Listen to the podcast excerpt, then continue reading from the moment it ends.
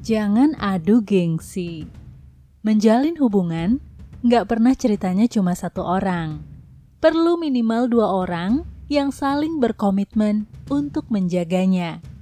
Hubungan yang manis tak mengenal egois. Kalau ada sesuatu yang nggak beres, minimal ada salah seorang yang berinisiatif untuk membereskannya. Kalau tunggu-tungguan, ya kapan terrealisasinya? Harus ada yang memulai. Bukan perkara siapa yang benar atau yang salah, tapi siapa yang lebih dewasa, yang lebih ingin memperjuangkan relasi ketimbang gengsi.